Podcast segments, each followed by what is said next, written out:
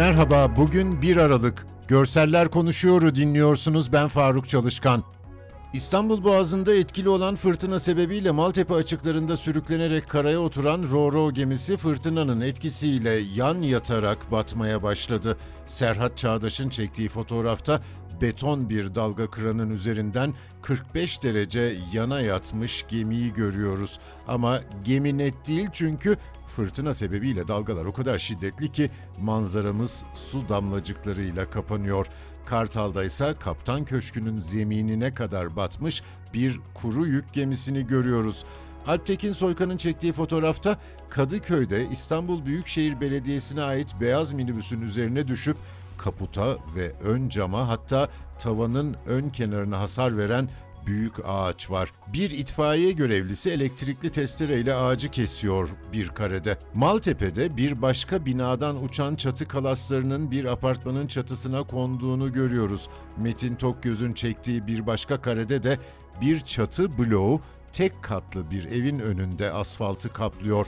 Irak'ın Musul kentinde bir grup üniversite öğrencisinin açtığı restoranda robot garsonlar işbaşı yaptı. Musul kent merkezinde kısa süre önce açılan restoranda hizmet vermeye başlayan robot garsonlar ilgiyle karşılanıyor.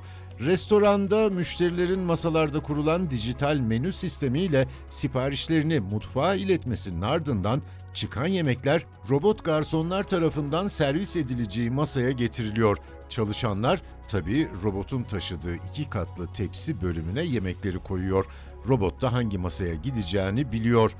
İran'ın başkenti Tahran'da her yıl kış aylarında yüzlerce kişinin ölümüne yol açan hava kirliliği günlük yaşamı etkiliyor.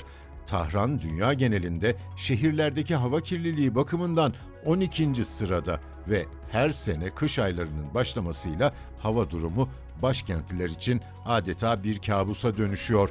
Şehrin hava sirkülasyonuna uygun olmayan fiziki yapısı ve nüfus yoğunluğu gibi birçok etken her sene kış aylarında aynı manzaraların yaşanmasına yol açıyor.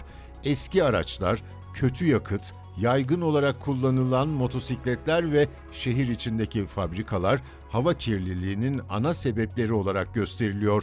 Fatime Bahrami'nin çektiği ilk fotoğrafta yüksek bir mevkide küçük bir masaya dayanarak oturan bir kadın ve erkeği arkadan görüyoruz.